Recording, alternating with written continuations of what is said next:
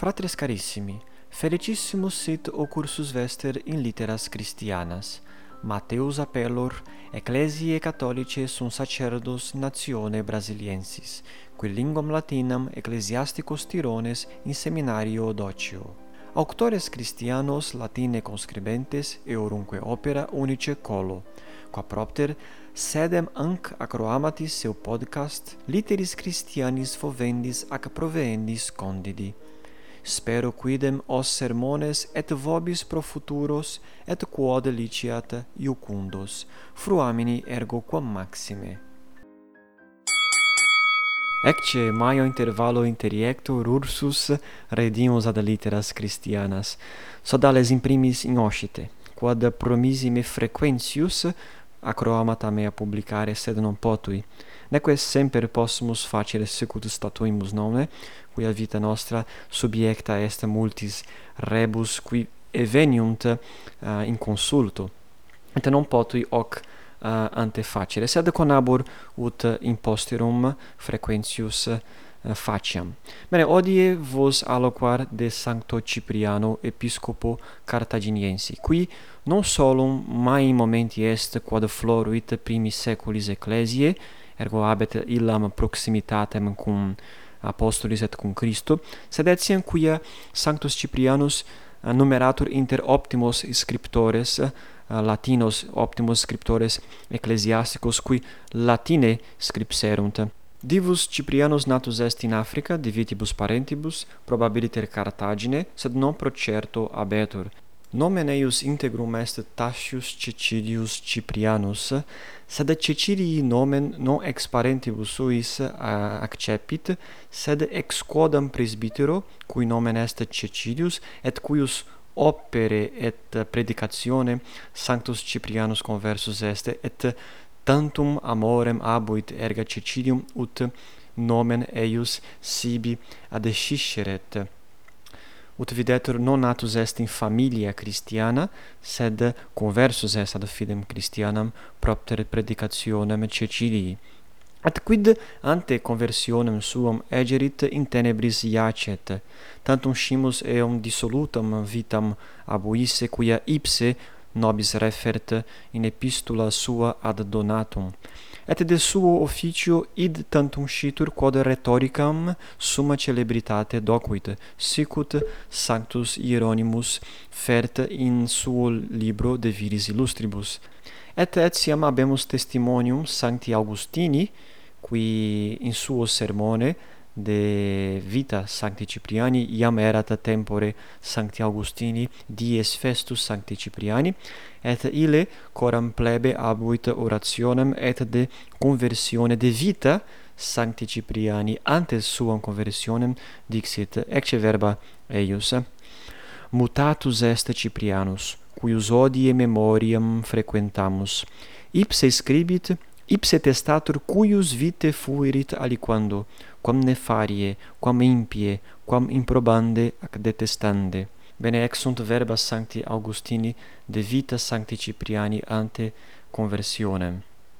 Antequam Iesum Christum amplectaretur, aut peccator nequissimus erat sanctus Ciprianus, aut erat iam virtute humilitatis preditus, quia hoc ille refert in epistula ad Donatum. Ecce verba eius.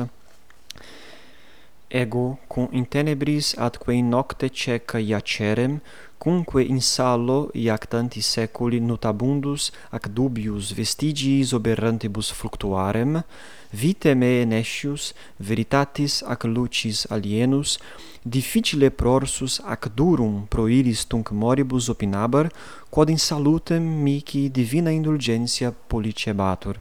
Bene id est sanctus ciprianus in tanta miseria erat ut putaret se non posse ad Christum revenire ut putaret divina misericordia non posse uh, tot atque tantum peccatum condonare ergo aut ille in magna miseria certe erat aut iam erat virtute humilitatis preditus ut dixi Atamen ortatibus Cecilii animum meus Christus tandem inflexit et intellexit misericordiam eius esse maiorem quam sua peccata.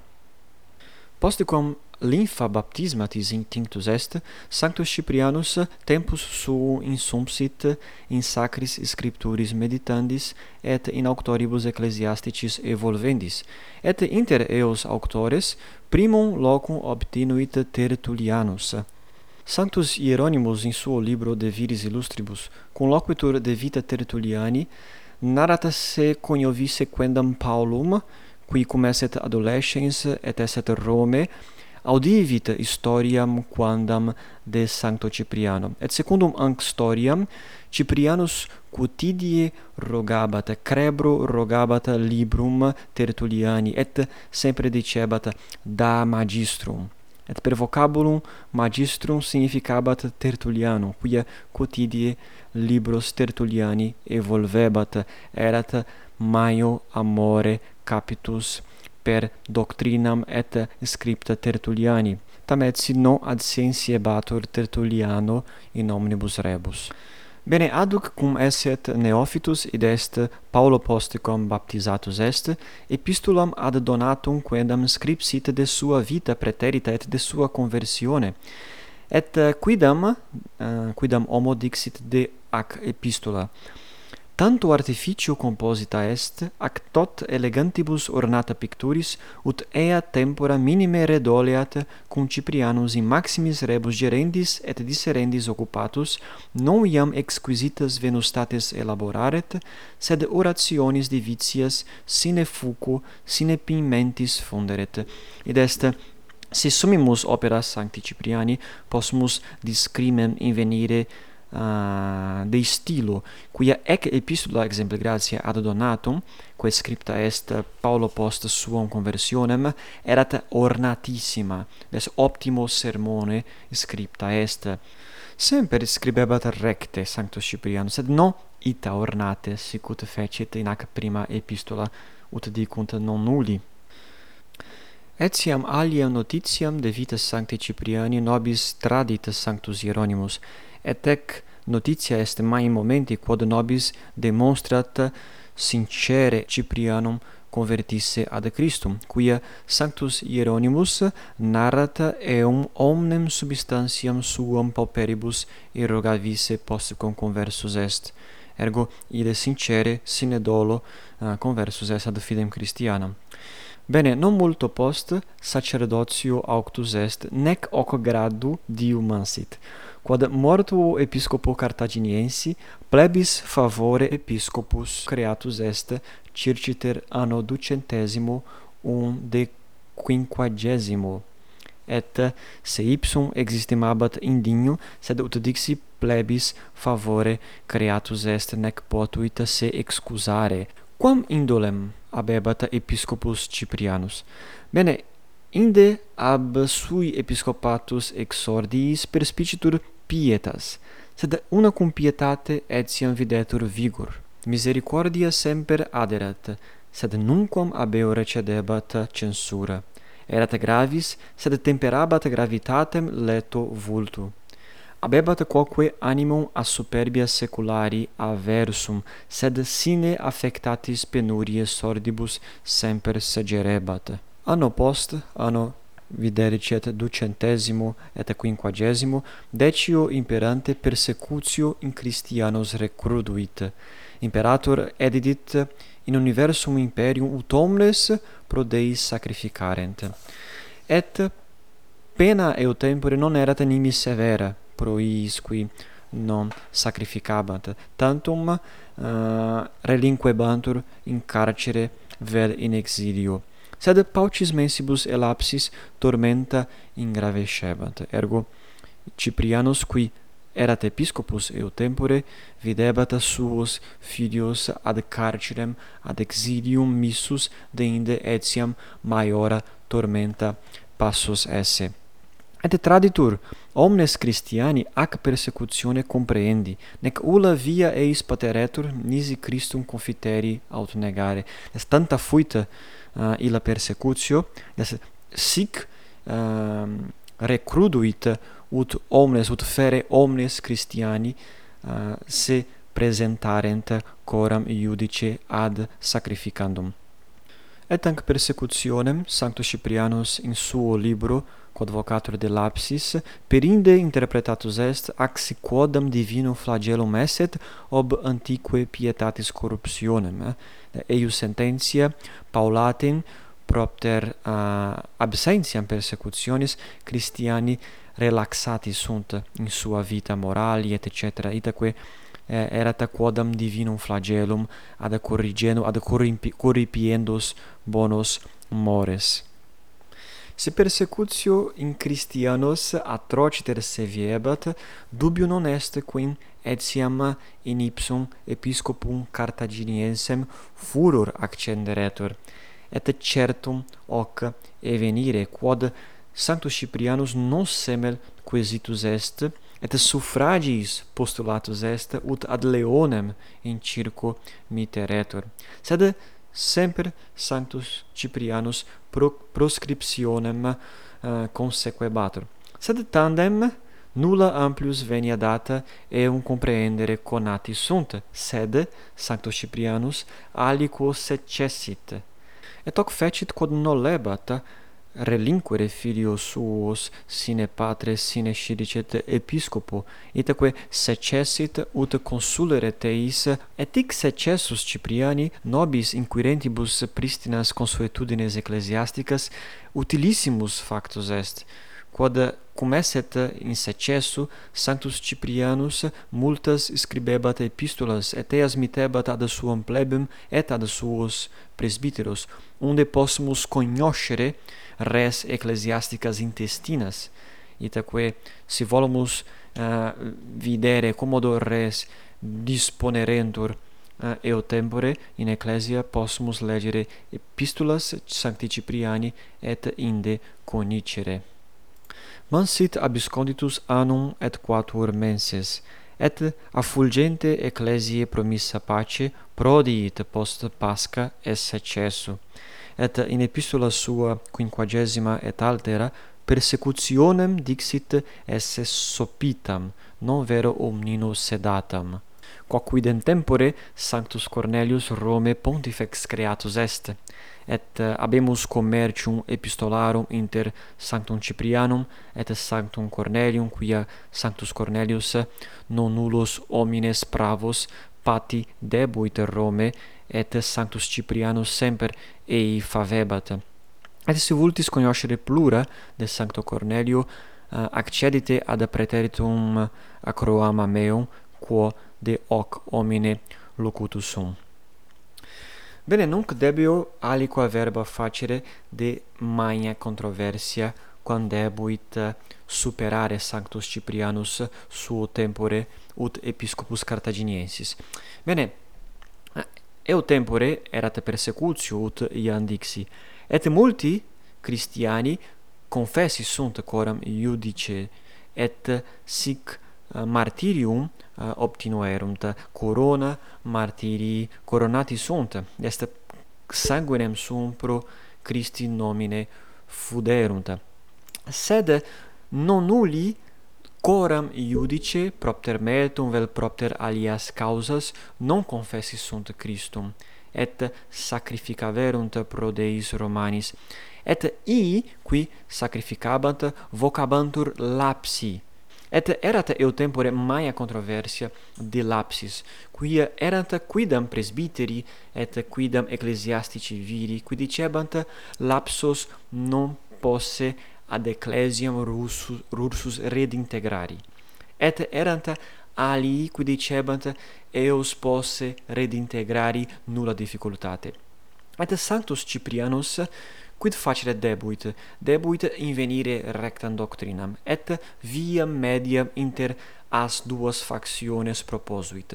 Bene lapsi certe possunt redintegrari ad ecclesiam quia gratia quia misericordia Christi est infinita et si certe penitentiam agunt si dolent ob peccata sua possunt certe redintegrari sed indicia penitentiae vera ostendere debebant, ut admitterentur Ursus in ecclesiam, ergo Sanctus Ciprianus uh, peccata eorum condonavit, sed rogavit eos ut facerent ut agerent penitentiam per quodam temporis spatium.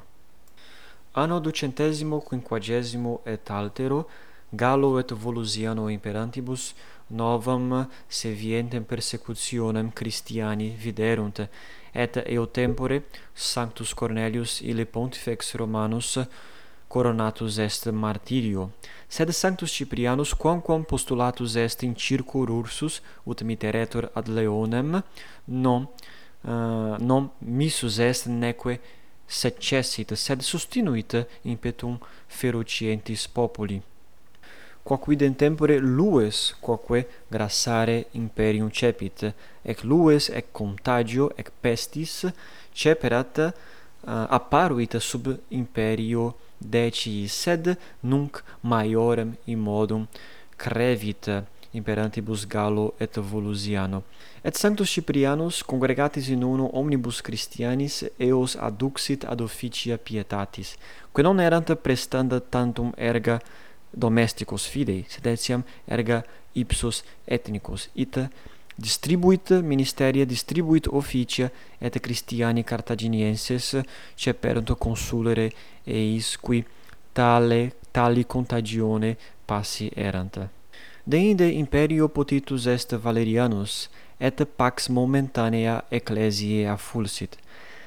Sed Valerianus qui initio maiam in Christianos humanitatem servavit postia, a quodam macriano inductus in Christianos imaniter servit.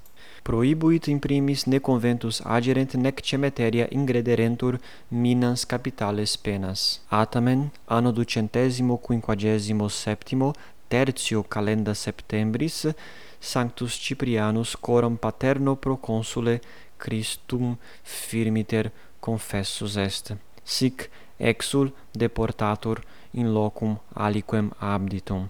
Et in hoc loco non solus erat sed cum Pontio diacono Pontius fuit diaconus quidam et illic in exilio scripsit vitam sancti Cipriani.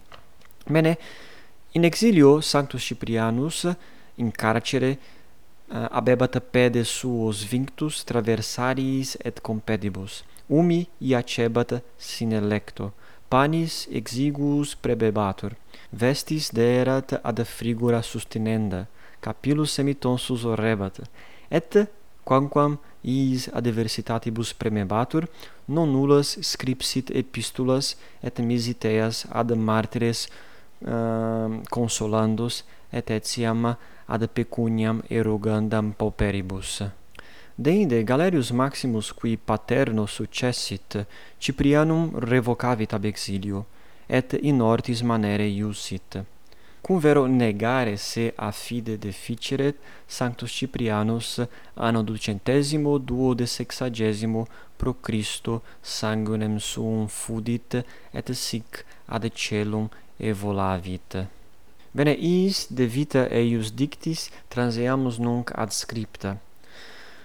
Si attendimus ad stilum Sanctus Ciprianus semper recte et bene scribebat, sed ut iam dixi vobis orn ornatissima fuit epistula ad Donatum, quae est prima post eius conversionem, et factus episcopus sermone simpliciore composuit cetera opera. Uh, cum esset in secessu scripsit de Ecclesiae Catholici Unitate, et cum reversus est scripsit de lapsis et etiam possumus legere Sancti Cipriani opera de oratione dominica uh, testimonia ad Quirinum de mortalitate de eleemosinis et non nulla alia opera quae incerta sunt. Et ut finem faciam vel in legere verba sancti Hieronimi de Cipriano in suo opere de viris illustribus, sic dicit Sanctus Hieronymus. Uius ingenii superflum est indicem texere, cum sole clariora sint eius opera. Bene, abebat ingenium maximum ingenium mirum Sanctus Ciprianus, de quo superfluum est dicere aliquid texere verba quia opera eius de suo ingenio locuuntur. Bene, gratias vobis ago, et spero me posser ursus vobis cum convenire, ut loquar de quodam opere sancti Cipriani. Valete!